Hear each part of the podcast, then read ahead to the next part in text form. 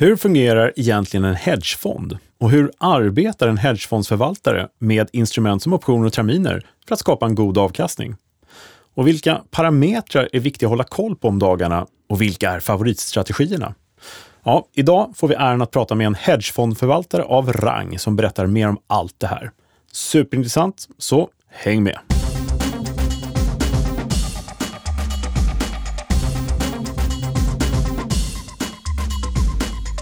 Välkommen till Optionspodden. Podden som ger dig kunskaper som ingen privat eller professionell investerare på börsen borde vara utan, tycker vi. Det här är ju börsens hela verktygslåda som ger mycket mer nytta. Mitt namn är Kalle Björkegren.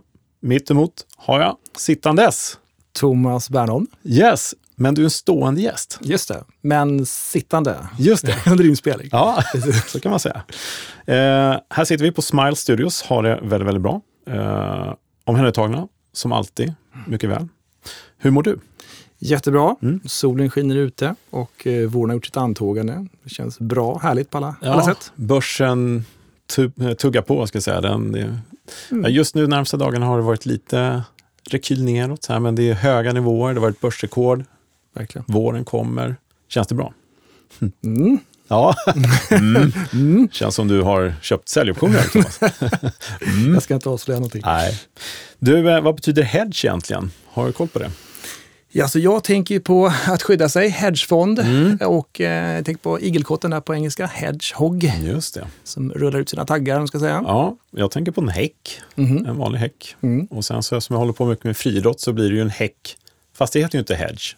Det blir lite konstigt. Ja, ja. Jag tänker kanske mer på trädgårdshäcken. Just det. Och den ska ju skydda mot insyn lite grann va? Mm. Så kan det vara kanske lite därifrån det kommer. Spela på det också, precis. Mm. Kan vara det. Men sen då hedgefond, det tror jag de flesta har hört talas om. Men ska vi liksom försöka, ja, vi kan vänta, vi, vi kommer få höra hur en hedgefond fungerar här idag ju. Det ska bli intressant. Jättespännande. Eller hur?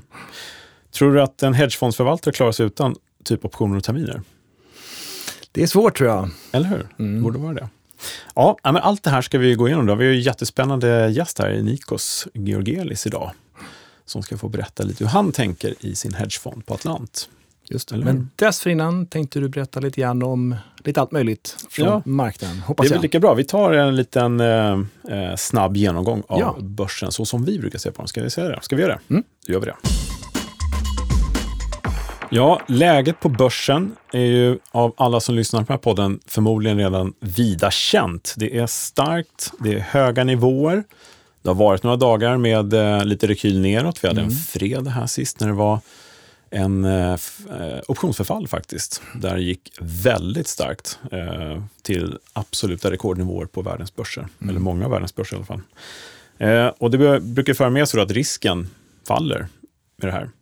Vi tittar på VIX-index och eh, vi kan ju bara konstatera att risken i termen av VIX-index, den sjunker förstås. Det är så starkt där ute och det är egentligen inga direkta superorosmoln förutom en kommande rapportperiod här då, som kan möjligtvis stöka till lite grann. Precis. Man pratar om att det kan vara lite inprisat redan och sådär. Lite klassiskt snack skulle jag vilja säga, när det går bra. Men eh, VIX-index ligger just nu på 17,29 sist jag printade den här för ja, ett tag sedan, eller nyligen. Eh, och det har ju sjunkit då, det var inte länge sedan det var uppåt 25 här när vi satt och snackade. Precis. Så, ja. Och förra gången, vad hade vi då? För två veckor sedan? Ja, det var 19,89 för mig vi sa då. Mm. Eh, och eh, ja, det, ju, det är väldigt små rörelser därifrån. Så risken är ju fortsatt konstant helt okej. Okay. Alla investerare enligt det här måttet är ju beredda att ta risk i aktiemarknaden, så är det ju. Så att eh, riskmässigt ser det bra ut. Eh, om man vill ta risk i aktier så, och man vill följa liksom volatilitetsnivåerna, vilket vi tycker är ett bra mått ju, eh, bland andra mått, så ja, då ser det bra ut. Stark marknad. Men vi har ju oron i marknaden också. Det man är villig att betala på nedsidan, vilket vi brukar eh, titta på då som är skew-index. Och hur ser det då ut mm. där? Nej, men faktum är att eh, det sjunker även där, alltså själva skevheten sjunker sjunker. Så att eh, allt annat lika är nedsidesskyddet billigare idag än vad det var för ett par veckor sedan. Men det är marginellt. Eh, det här indexet ligger fortfarande väldigt högt. Eh, det ligger nu på 137,15 och påminner om att normalnivån som man kan säga är 120. Mm. Det är liksom där man tycker allting är normalläge då, så att säga. Det är alltid lite dyrare på nedsidan, för det finns alltid ett behov av att skydda sig. Då. Exakt. Så eh, jag rekommenderar att man går in och tittar på SKEW-index-grafen. Finns på optionsbloggen och lite sånt där annars. Eh, man kan googla den bara, så kan man få se den. Och då ser man faktiskt att eh, det finns en, eh, ja men sen i höstas faktiskt, eh, sen, jag tror det var halloween där någonstans, där blir ett skutt faktiskt på värderingen på nedsidan uppåt. Och sen dess har det harvat där upp och ner. Och då tangerar uppåt 160 någonting, eller hur? Ja, det har printat där uppe ett ja. par gånger. Mm. Det har blivit lite så här, oron har kommit upp på topp lite grann sådär. Mm. Sen kan det ju, ska vi säga, förstås bero på andra olika små orsaker att det printas så högt över en dag eller två. Men rent generellt kan vi säga att trenden är att det är högt värderat på nedsidan. Så att eh, det finns en beredskap förstås. Mm. Inte heller helt ovanligt när börsen är så stark som den är. Ja, Men det. Eh, det är bra att hålla koll på det här. När de här sticker upp och etablerar sig ännu högre, då kan mm. det vara läge att tänka. Ganska hög nivå, men aningen sjunkande sedan eh, sist, så att säga. Ja, ja. precis. Mm. Ja, med betoning på aningen. Ja. Och eh, titta på enskilda aktier. Det här är då den Edge-lista. Här kan man gå in och titta på optionsbloggen. Eh, här har vi då en lista på eh, alla OMX-aktier, vilken edge de har. Vi jämför den historiska rörelsen med den aktuella risken som finns då inprisat i våra optionskontrakt, at the money. Och eh, ja, index brukar vi titta på och förra gången så ja, då hade ju index en implicit volatilitet på 13 procent, vilket är väldigt lågt och mycket låg risk. Och en minus-edge på 1,8. Eh, den historiska volatiliteten har därefter sjunkit från 15 till 14 ungefär. Och den implicita faktiskt ökat lite grann här. Så det har alltså gått från en negativ edge till en mm. positiv edge? Det stämmer det faktiskt. Det vill säga implicit volatilitet är högre än historisk ja. positiv edge? Ja.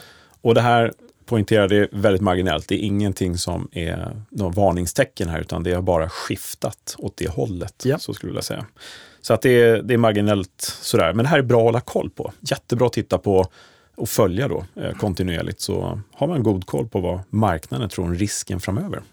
Mm. Eh, sen kan vi, vi ska inte gå igenom varenda enskild aktie här, men eh, jag tror vi tittar på Hexagon här, eller jag gjorde det. Och eh, där har den historiska volatiliteten eh, faktiskt sjunkit med 10 punkter nästan, från 46 till 36 ungefär.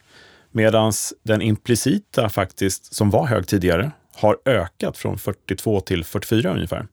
Så vi går från en minus-edge där på 4% minus till nästan 8% plus. Sådär ja. Ja, så att trots att eh, pappret rör sig mycket mindre historiskt sista 30 dagarna så har man behållit den höga liksom, värderingen på premium mm. kommande 30 dagar. Och det här kan ju bero på det har varit eh, ja, men, i rapportperioder och då, det har hänt liksom lite olika saker. Men det här är lite kul att eh, titta på och hålla koll på. Då kan man liksom få en bild på rörelsen i respektive aktie och vad marknaden faktiskt tror om risken. Just det. För ett värde är ett värde så att säga. Implicit volatilitet, är det där det handlas? Ja. Precis. Är, är det något annat papper som sticker ut som du har ja, vi identifierat? har tittat på eh, Hennes och Maurits tidigare. Vi har fått lite frågor om det. Eh, där har volan sjunkit lite grann, så mm. att risken har blivit lägre. Man gillar Hennes och Maurits lite bättre. Edgen är plus minus noll fortsatt, men jag har fått frågor om den. Eh, vi tittade på Evolution Gaming. Eh, där är en jättehög, den, alltså Edge då. Mm. Eh, väldigt hög riskvärdering på premien där. Men den är också en... ja, den rör sig oerhört mycket. Ja, och ja. Den, den har ju verkligen stått ut på index. Ja. Och ny på index också. Index Rookie. Sådär. Så att, eh, där har vi då en implicit volatilitet just nu på 44 procent, vilket är väldigt högt. Jämför med den historiska som är då 30 dagar tillbaka på 24,7. Mm. Så ja, där förväntar man sig om man ska tyda de termerna. Och där har implicita vålan ökat ytterligare lite grann sen sist också? Va? Ja, ja. Det, det, stämmer. Lite grann. Den var 41,8 sist, den 44 nu. Mm. Ja, så här tycker jag man kan gå in och titta på respektive aktier. Det finns en hel del matnyttigt att eh, lära sig och kanske ja, skapa sig nya idéer om man har positioner i de här aktierna. Det låter jättebra. Men du, eh, ska vi ta in våran gäst? Vad säger du om det? Jättegärna. För då kan vi prata mer om volatiliteter och edge och skew och hedge och allt vad det är. Precis. Så ska vi hämta in Nikos? Det gör vi. Då gör vi det. Mm. Då säger vi varmt välkommen till Nikos Georgielis från Atlant Fonder. Tack så mycket. Välkommen till Optionspodden. Ja, varmt välkommen. Tackar, tackar. Hör du, eh, hur mår du? Kul att du är här. Eh, mot toppen. Ja. Roligt att vara här. Ja, vad härligt. Kan inte du bara börja med att berätta lite om dig själv och din bakgrund och ditt arbete av idag? Yes. Eh, ja, Nikos Realis heter jag. Eh, jag började egentligen handla med aktier när jag var 12 år. Det skaffade en sån här fiktiv depå. Och sen när jag fyllde 15 skulle jag få en moped eh, av mina föräldrar. Men då sa jag att de var helt korkade om man la pengar på något sånt. I och med att man kunde ju fördubbla pengarna många gånger om på en Klokt. aktiedepå istället. Så då i pappas namn, för jag var bara 15, så var jag med i den här aktietävlingen som gick på tv också. Jaha, coolt. Ehm, och det var väl precis där i toppen på IT-yran. Fan, häftigt. Ja, rätt eh, person på rätt plats helt enkelt Tidigt. eh, i världen. Ja. Yes, så jag tror att den depån hade varit mer värd idag om man köpt öl och pantat burkarna. ja, just det. Okej, så här klassiker. Då ja. Ja. ja. Spännande. Och idag jobbar du för Atlant säger du. Och vad Ja. gör, gör du där? Ehm, jag, eh, jag pluggade på KTH innan och liksom mycket så finansiell matematik och så här. Jag hade en idé om att man skulle kunna bygga några systematiska modeller som alltid tjänade pengar. Så det var liksom den bakgrunden som jag skulle göra comeback i sen när det hade gått sämre med den här fundamentala analysen för mig under IT-yran. Sen arbetade jag på lite olika arbetsplatser som Handelsbanken, Investor, IP Morgan var jag en sväng på. Sen kom jag till Danske Bank och där var jag market maker och var lite ansvarig för index market makingen. Ja, okej. Och Atlant Fonder handlar jättemycket optioner, så det var en stor kund till oss. Ehm, och efter att ha varit fyra år som market maker så blev jag erbjuden då chansen att komma över till Atlant. Vad kul. En gedigen bakgrund och inom optionshandel och sånt där. Va? Spännande. Ja, nej, över till köpsidan. Det är eh, bra. Men du, eh, du sitter då på en eh, hedgefond. Det stämmer. Ja, Ehm, berätta mer om den. vi tycker om att kalla oss lite för eh, alternativ investerare. Eh, hedgefond blir väldigt brett begrepp. Det finns så mycket olika typer av fonder här. Ehm, men i, i mångt och mycket så betyder det, det som vi försöker göra det är att erbjuda en, en unik avkastningsprofil. Ehm, så att avkasta pengar på ett sådant sätt som inte korrelerar till traditionella eh, tillgångar som aktier och räntor, framförallt inte under nedgång. Så att när man adderar liksom våran produkt till en portfölj så ska den eh, diversifiera och skapa en, en mer robust liksom, total. Ja. Och vilka tillgångar handlar ni? Vi handlar eh, allt möjligt. Vi handlar eh, räntor, vi handlar aktier, vi handlar optioner på allt som Ja. det går att handla optioner på. Vi, Det är bra. vi handlar eh, småbolag, allt från liksom, onoterad fintechs i Brasilien till eh, biotechs och techbolag. Och, så det är väldigt, väldigt brett. Mycket att hålla reda på. Och då kör ni mycket indexterminer och sånt, kanske vanliga terminer, och, eller? Eh, Vi handlar väldigt, väldigt mycket optioner på index. Ja, okej. mindre, mindre faktiska terminer. Ja, Ehm, Men vi handlar ganska mycket terminer på krediter.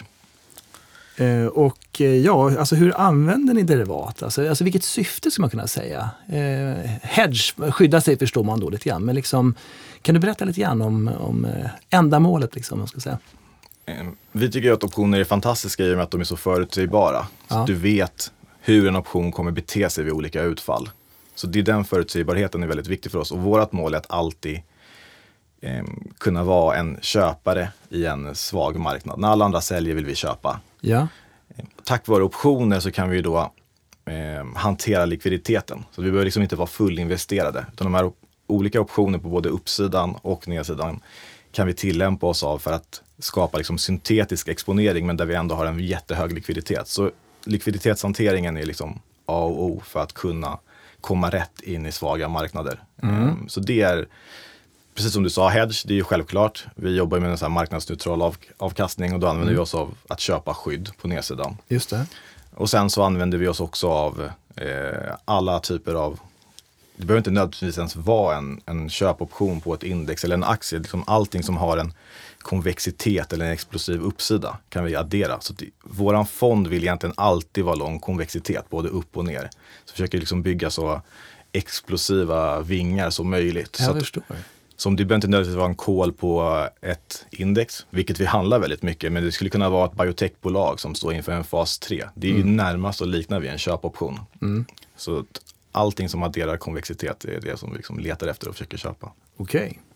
Spännande. Du, du sa att eh, en ganska klok grej är att eh, optioner är ganska förutsägbara. Du vet vad som kommer hända med dem givet ett visst utfall. Hur tittar ni på de här utfallen som kan komma? Sådär. Har ni någon speciell eh, modell för det? Sådär? Eller vad tänker du? Ja, nej, men det är, det är superviktigt och det är liksom det som våra investerare också förväntar oss i och med att det är mycket av det som vi säljer. Så daglig basis simuleras liksom totalportföljen för massa olika scenarier. Så det kan vara bara att man simulerar alltihopa för en rak trådan på minus 10, minus 20, minus 30, minus 50 procent. Mm, och ser mm. hur kommer vår portfölj bete sig då. Då har vi en väldigt bra uppfattning. Sen justerar, är vi nöjda med de utfallen eller inte, får vi justera med mer skydd om det inte är så att att det är tillfredsställande. Vi, samma simuleringar gör vi även uppåt. Men ja. vi kan tycka att allting är jättedyrt idag och att eh, att man, man inte vill äga en enda aktie, men våra investerare förväntar sig en avkastning på liksom en, en viss, de förväntar sig den oavsett vad som händer mm. i marknaden. Så att liksom, samma simuleringar görs både upp och ner och det görs kontinuerligt. Och då via optioner så får du den förutsägbarheten. Du vet i alla fall hur optioner kommer bete sig och sen kan du ganska väl estimera hur din portfölj kommer bete sig. Och sen kommer det kanske diffa lite sådär, men du, du får en väldigt liksom, trygg känsla kontra mm. kanske många andra, ska man säga, traditionella hedgefondstrategier, exempelvis som du, du kör en aktiespread. Du är lång Atlas Copco, kort Sandvik. Du har ingen mm. aning om hur den där spreaden kommer gå i en turbulent marknad i nedsida. Du, du vet däremot exakt hur din put-option kommer mm. gå mot OMX om OMX är ner 30 procent. Ja, just det. Mm, just ja. Det. Ja, men det är bra jämförelse. Ja, klokt. Um, jag skulle dyka upp så många kloka frågor här. ja, uh, jätte, jättemånga. Men du, din arbetsdag, uh, jag tänker så att från den traditionella Eh, förvaltaren, aktieförvaltaren så, där, så känns det ju spontant så att ni är bra mycket mer aktiva i ert arbete mot att få er portfölj att liksom, växa i värde. Hur kan en liksom, vanlig arbetsdag se ut för dig när du kommer in på morgonen? Det, det är väldigt olika från dag till dag ehm, och mycket av arbetet vi gör försöker vi göra när det är lugnt. Så vi, har, vi jobbar jättemycket med att det ska finnas en plan och en strategi för hur vi ska bete oss vid olika scenariot. När vi gör alla de här simuleringarna och så har vi liksom olika hållpunkter och målnivåer och sånt där. Så har vi redan bestämt oss nästan innan vad mm. det är som ska göras där och då när saker sker. Ja. Eh, men mina dagar ser ut som så att jag försöker att ha hela morgonen fram till klockan tio i alla fall, alltid helt ren. Så jag bokar aldrig upp någon möten eller någonting då, utan då vill jag bara sitta och kolla på marknaden och se vad som händer och kolla på alla mina olika eh, index och det som man kikar på. Med undantag för optionspodden. Med undantag för optionsvaror. Ja, det gläder oss. eh, nej men så fram till klockan tio så brukar jag försöka att aldrig boka in någonting. Sen så mm. i och med att vi jobbar med så mycket olika saker, sen så kan det vara eh, jättemycket, vi träffar supermycket bolag. Eh, mm. Så träffa bolag och eh, kika på det, hålla på med analysarbete, screena fram case, eh, läsa på diverse mm. research. Mm. Ehm, så efter det så är det väldigt mycket mer flexarbete om det inte har hänt någonting. Mm. Mm. Eh, men morgonen tycker jag är väldigt viktig att bara ha ren och aldrig uppbokad. Nej, klokt. Klar i skallen då också. Tänkte bättre. Ja. Och det låter som att du har glädje av dina kunskaper i matematik från KTH, om du simulerar mycket och, och så här som du beskriver. Um, ja, men mindre än vad jag trodde när jag gick på KTH, ah, ja. skulle jag säga. Mm. Um, det behöv, man behöver inte göra det så himla avancerat. Um, som man kanske tror att det ska vara, att jobba med optioner. Um, om du köper en option 10% ner på uh, OMX och sen så simulerar du vad som händer med den om börsen är ner 30. Mm. Det klarar du liksom med grundskolematte ganska bra, för det är ju bara plus och minus. Mm. Exakt. Mm. Och jag tror att just det här um, när jag gick på KTH och höll på och lärde mig om optioner, då satt vi och jobbade med att vi liksom skulle förfina Black Scholes och komma närmare någon typ av fundamental okay. exakt värdering vid varje tidpunkt och hur ska man prisa volatiliteten exakt. Och, och det behöver man verkligen inte. Nej. Utan plus och minus räcker superlångt och så sunt förnuft och så har man en känsla för vad som ska ske. Det är skönt, lite lugnande ord för Ja, men precis. Mm. Det behöver inte vara matematiskt superpåläst för att handla med optioner. Precis. Det finns många olika nivåer på det hela. Men, eh, och hur kommer du fram till beslut och sådär? Eller ni? Alltså, jag kan tänka mig att ni sitter och kikar mycket på olika värden och sånt, om det kanske är implicit volatilitet och sådana saker. Och kan du beskriva liksom de tankegångarna lite grann?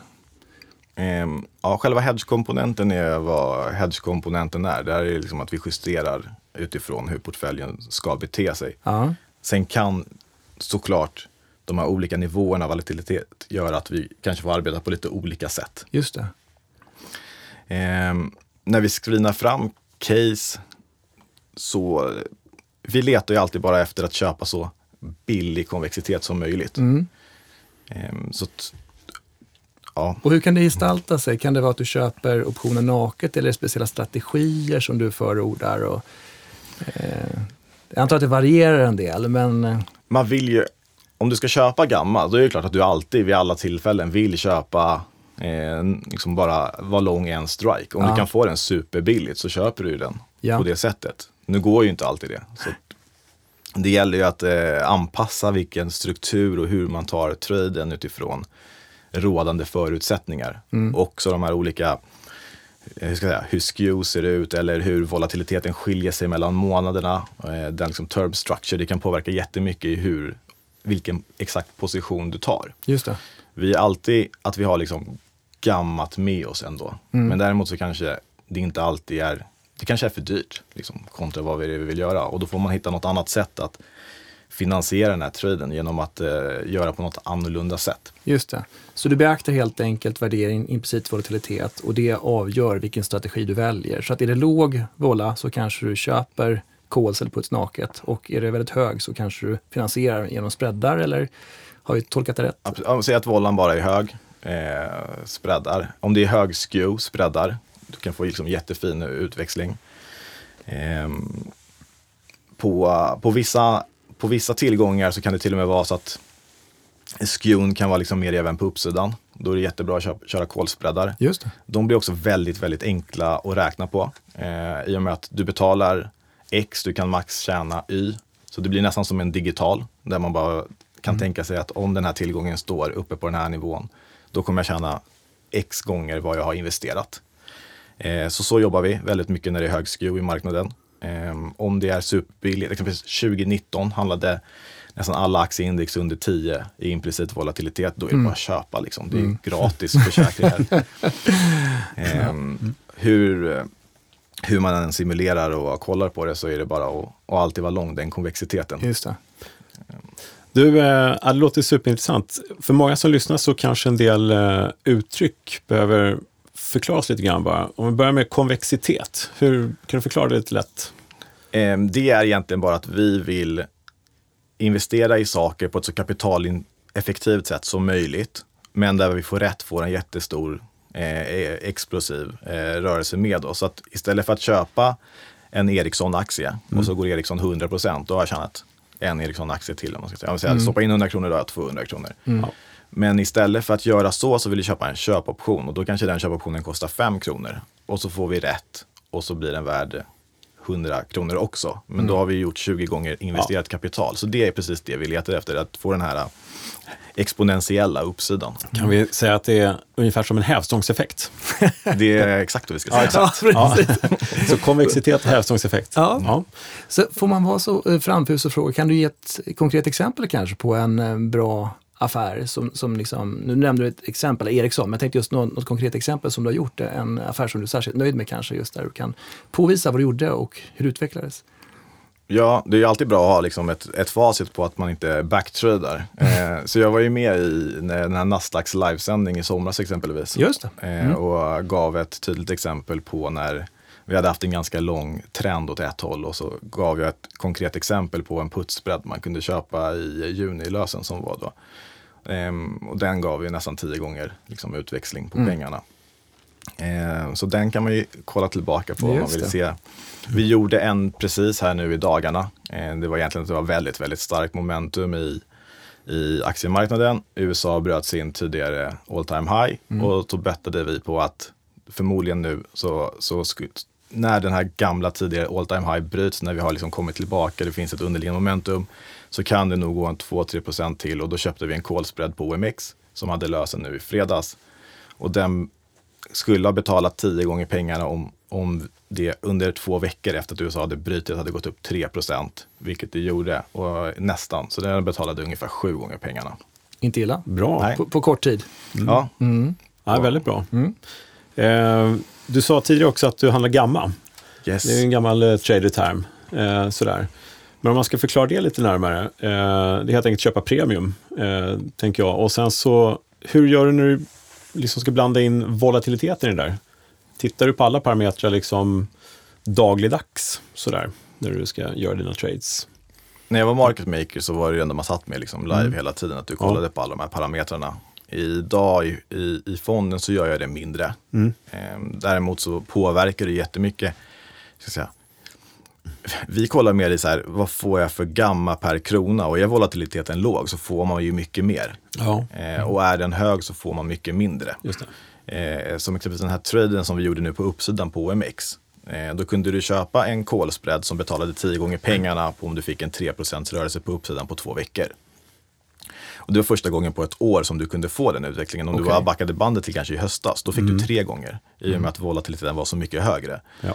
Så det är mer så som vi, vi kollar på det. Eh, hur mycket bang for the buck får vi i varje enskild affär? Ja. Ehm, Ja, det låter klokt på något sätt. Och, och, och eh, gammalt visar hur deltat ändras också, eller hur? Så att jag, Ja, precis. Om det går till- Det är hävstångseffekten. Hur Precis. mycket kommer den Exakt. röra på sig? ja. Hur mycket hävstång kan du få? Hur mycket eh, konvexitet kan du uppnå? Helt enkelt? Så du har Ja, bytt till konvexitet? ja Kalle, ska jag byta till det? Precis. Hävstång, hävstång är uråldrat. Ja. Ja. Men eh, så hur tänker du eh, exempelvis om du har en, eh, ja, men tänk eh, marknaden just nu då, vi pratade om marknaden tidigare här. Eh, det är ju starkt liksom i marknaden och liksom vollan är ju låg helt enkelt. Och hur tänker du idag om de nivåerna? Hur tänker du att du positionerar dig då? Sådär. Ehm, det är första gången på ett år som, som det börjar se väldigt attraktivt ut att köpa volatilitet igen. Jag tycker om att, som jag sa innan, mitt mål är att alltid vara en köpare när alla andra är säljare. Och så ska jag göra det på ett sånt sätt så att jag ändå är med på diskot så länge det fortsätter. Ja. ja. Och absolut lättaste då är ju att bara köpa sig en köpoption. En- Och jag, på dagens våldnivåer så kostar det kanske ungefär 7% av kapitalet att vara med på diskot på uppsidan under ett års tid. Men det betyder alltså att du kommer ha över 90% av dina pengar kvar om någonting händer att handla för. Ja. Det är inte dumt. Ja, Bra pris för att vara med på disco på sätt. Ja. Och så länge. Ja, verkligen. Kan hända att du är lite trött efteråt. Nej, men eh, alla de här, eh, ja, det låter ju inspirerande, det låter ju klokt och sådär. Det finns ju, eh, jag tycker du målar upp en bra bild på vad man faktiskt kan åstadkomma i en större förvaltning som du sitter i med optionskontraktet. Men även för den lite kanske mindre förvaltaren eller privatpersonen kan man faktiskt sitta och spekulera lite på samma sätt. Eller går inte det? Jo, absolut. Jag Ja. skulle nog göra väldigt mycket precis likadant Mm, eh, om jag precis. satt och förvaltade privata pengar. Ja. Ehm, och det är väldigt så som, säga, när, när vi i, i, storbolagsaktier så är vi sällan eh, proaktiva, men vi är väldigt reaktiva, att det kanske har hänt någonting. Då använder vi oss av eh, poor man's covered calls alltid. Ja, vi det. köper en långdaterad call, ställer korta calls emot. Ah, Ehm, Det är så som vi arbetar när vi tar position i sånt. Det går ju utmärkt att göra som privatperson hemma. Ja, visst. Ehm, Kolspread. om jag tycker att allting är jättedyrt och liksom vi inte vill vara med, då kan jag bara köpa en eh, liten köpoption mot index, som jag sa innan. Smyger mig in på diskot, sitter med pengarna och bara väntar. Ja, perfekt ju. Ehm, eller så kanske man har en, en, en, en portfölj med massa spännande bolag som man älskar och verkligen, verkligen inte vill sälja. Ehm, Då är det bara att köpa en put-option, det blir samma sak egentligen. Köpa det. en call eller köpa en put liksom, Ja. lång delta. Så om du hade varit en eh, privatperson och handlat rent fiktivt, då hade du agerat ungefär på samma sätt. Sådär. Ja, väldigt Ungefär. mycket på samma sätt. Mm. Kanske brytt mig lite mindre om just att skapa det här äh, marknadsneutrala. Ehm, och varit okej med att kanske ta lite mer mindre tapp på uh, vid stök på nedsidan. Ja, just det. Eh, bara så länge, jag vet, så länge jag vet att jag kan köpa på mig mer saker när de säljer av så vet jag att jag in the long run kommer tjäna väldigt bra på det. Då är det kul att vara på diskot. Ja. Ja, Jag tänkte ställa en lite mer detaljerad fråga. Låt säga att du har köpt en kol då. Och så går det lite grann åt fel håll och sådär. Hur tänker du då? Eh, Hur agerar du så att säga? Kliver du bara ur eller gör du om den till en annan strategi? Eller?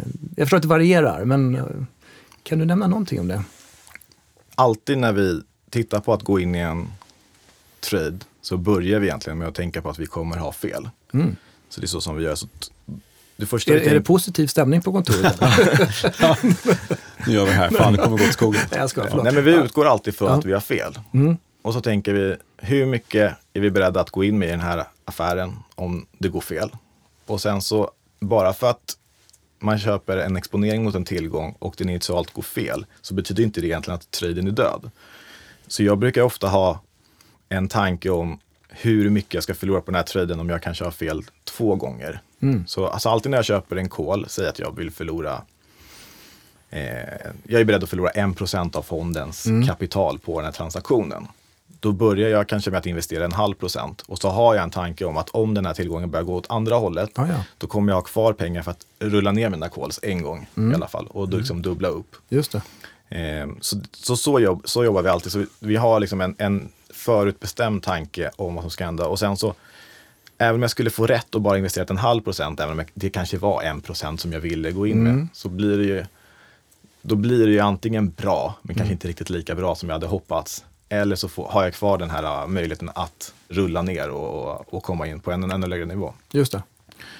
Så Och när du sa rulla ner, då, då säljer du in call och köper en Ja. lägre striker. Så vi säger att eh, Ericsson står i 100 kronor, vi köper en call-option och sen går Ericsson till 80 kronor. Då har vi sparat så mycket att vi kan komma ner med våra calls till 80-nivån.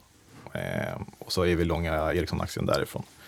Så det är så som vi alltid, minst en gång när vi går in i en, i en trade så ska vi tänka att vi ska ha råd att rulla ner och liksom stoppa in dubbelt så mycket till. Så vi har liksom den starttanken. Okej. Ja, det låter inspirerande och en sak som slår mig, som jag har ju en del som utbildar och pratar väldigt mycket liksom, tradingoptioner med folk och jag brukar tjata om att ha en trading plan är ju A och O. Man kan ju inte bara höfta hela tiden varje dag riktigt. Eh, och det låter som god inspiration att höra att ni tänker till innan vad händer och att ni går in och tänker att det här kommer gå åt skogen. vad verkligen. gör vi då? Gå in med hälften först och så vidare. Så att det, det låter klokt och inspirerande på väldigt många sätt. Eh, Jag tänkte bara fråga, är det någon speciell händelse som har hänt i marknaden som du speciellt minns? Någon sån här, något, ja, någon vinstvarning så din explosivitet där gick eh, åt rätt håll eller någonting. Är det någonting som, någon händelse du minns här specifikt? Eller händer det massa saker hela tiden kanske? Alltså man kommer ju verkligen ihåg alla de här stora eventen som har varit som när jag, när jag verkligen satt i marknaden. Under Lehman Brothers så var ju inte jag i marknaden, men jag, när jag var market maker så hade vi Brexit och vi hade det här Trump-valet. Ja. Och de rörelserna som du ser då, de volymerna som liksom omsattes, det var ju verkligen någonting som man Ja. har, har liksom, de dagarna kommer man verkligen, verkligen ihåg. Och att sitta då och handla, det är, det är nästan någonting som alla skulle få göra någon gång. Det är väldigt häftigt. Brexit kommer jag ihåg, det var måndagen efter midsommar där. Då gick det ner så här 9 någonting den dagen. Ja, det var precis. lite, lätt panik, men det hämtades rätt fort den gången. Ja, och, och Trump var ju egentligen, den kom ju ganska tajt där efter Ja. Brexit. Det var en jobbig höst. Ja, Eller? Det var så häftigt för att det liksom, alla var så rörande överens om att om Trump blir vald så ska det ner så mycket och sen så under hans tal som han höll där så bara vände liksom hela momentum. Man bara kände hur det började bara pumpas in pengar i Ja. hela marknaden. Och man, man bara satt och bara lassade på liksom mer och mer och blev längre och längre och bara åkte med på det här tåget. Så det Ja. kändes som att det inte kunde stoppa. Så det var väldigt, väldigt häftigt. Ja, speciella tider. Eh, annars kommer jag ihåg en, det jag kommer ihåg en Meda-affär som jag hade. Vi hade gjort någon sån här uh, optionsstruktur. Det var någon som hade sålt puttar till oss ganska långt ner i Meda och köpt calls för pengarna. Han hade gjort en risk reversal och jag var i market maker så jag var i kort den här uppsidan. Ja. Och det var väldigt, väldigt liksom, stor volym. Och, och så kom ett uh, budrykte i Meda. Det var ju där ett par, par runder. Ja. Och för varje, liksom, för varje krona som Meda liksom rörde på sig så, så blev vi kortare, liksom, kanske en halv dagsomsättning normalt i Oj. Meda. Och det jobbiga där var att varje gång som jag kanske köpte 50-100 000 Meda-aktier så drev jag nästan marknaden själv. Ja, 200 000 kronor. Det är lite grann det här som man ser nu som sker i, i GameStop och Ja, där, där där. alla ska tvinga market makersen att driva aktierna vidare. Ja. Ehm, det var lite så som jag satt där. och, och Du, liksom du drev sköt dig själv i foten lite kan man säga, eller hur? ju mer aktier jag köpte desto kortare blev det. Det låter så motsägelsefullt på något sätt, men jag förstår hur hur det blev. Ehm, då blev man välväldigt ödmjuk för likviditet i alla fall. Ja, just det. Ja, ja men lär, bra lärdom, tänker jag. Nikos nickar. Ja, Ja. ja. men det är lite så här, det, man lär sig. Men du, skulle du eh, klara ditt jobb utan optioner? Nej, helt omöjligt. Helt omöjligt? Ja, verkligen helt omöjligt. Ehm, det är... Mm, Just den här med... Så här, jag är inte någon... eh, någon stor bank eller en treasuryavdelning med en obegränsad balansräkning jag alltid kan gå och rycka i. Och uh, att hantera likviditeten är ju verkligen så viktigt. Mm.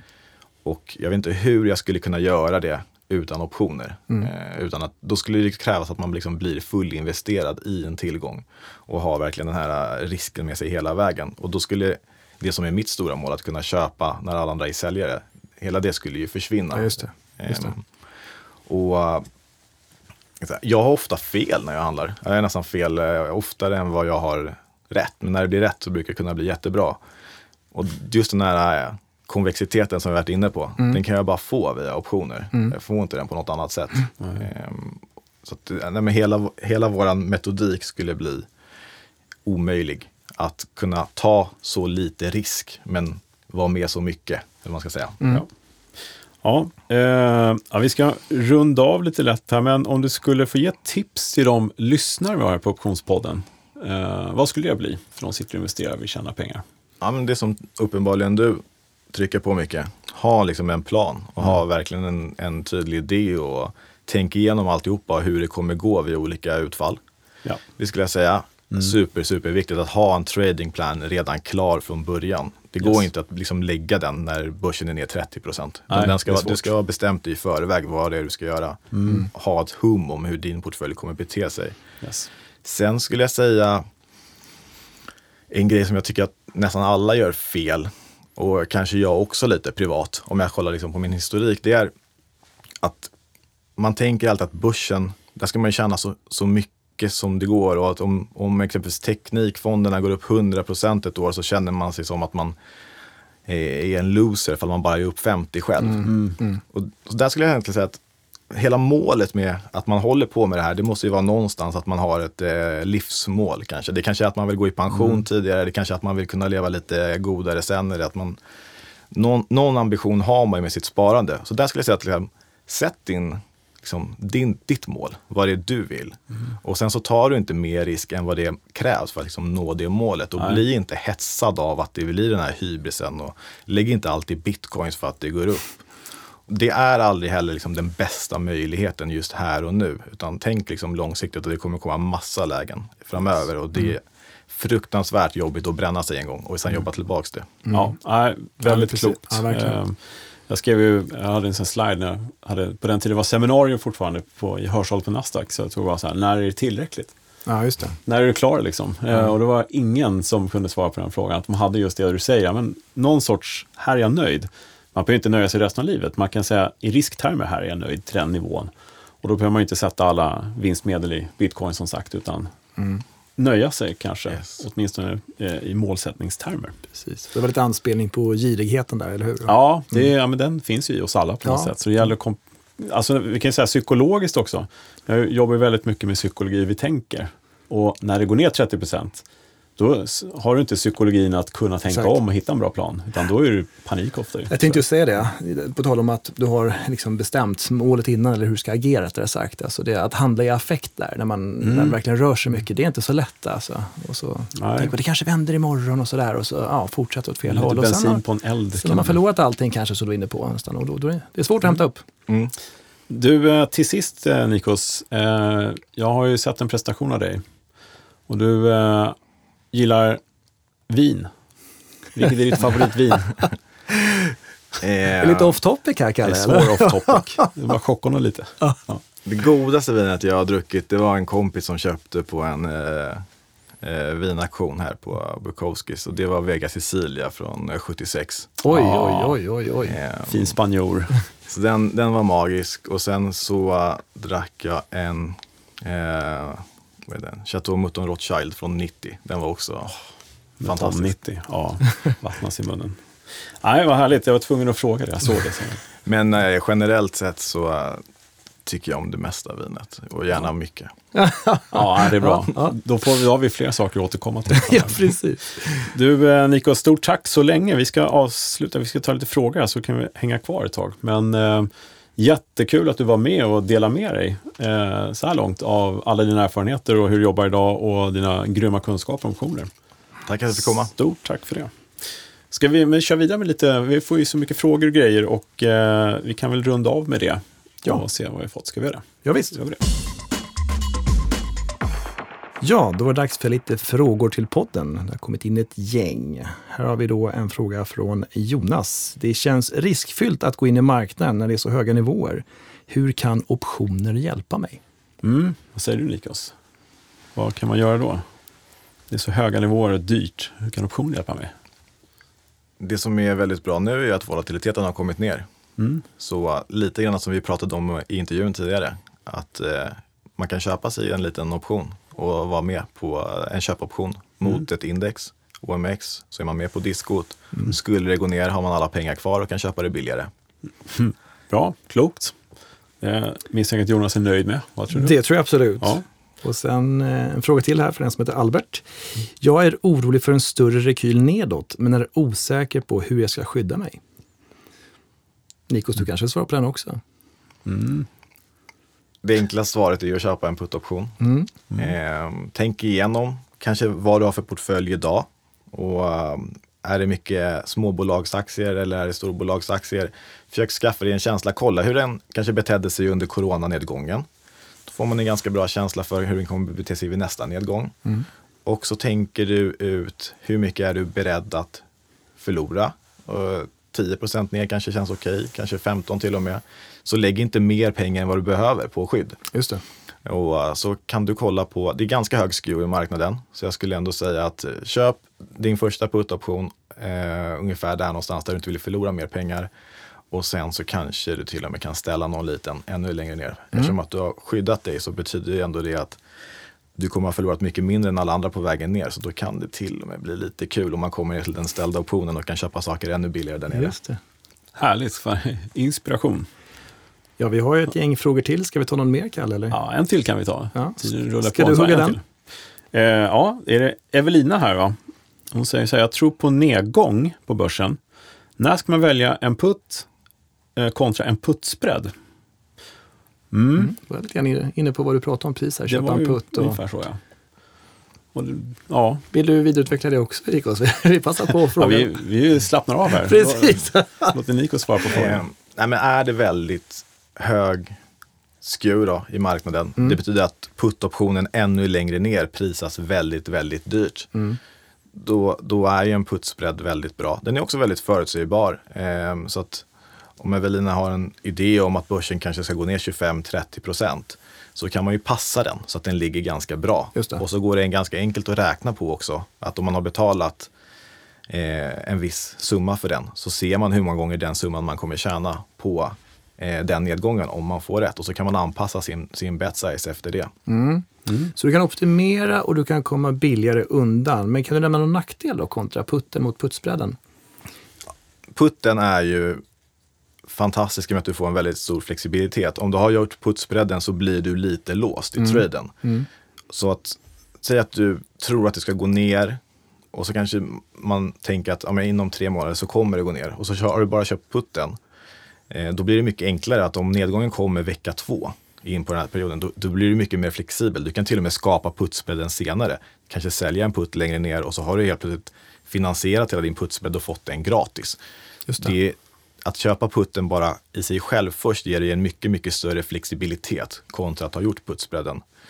Ehm, jag tycker ofta faktiskt om att försöka göra så, att köpa min första putt först och sen försöka liksom gunga in i putsbredden, så att nästan finansiera putsbredden så att jag fått den nästan gratis. Just det. Invänta marknaden. Liksom sådär. Ja, men det är ett jättebra tips, Ja. verkligen.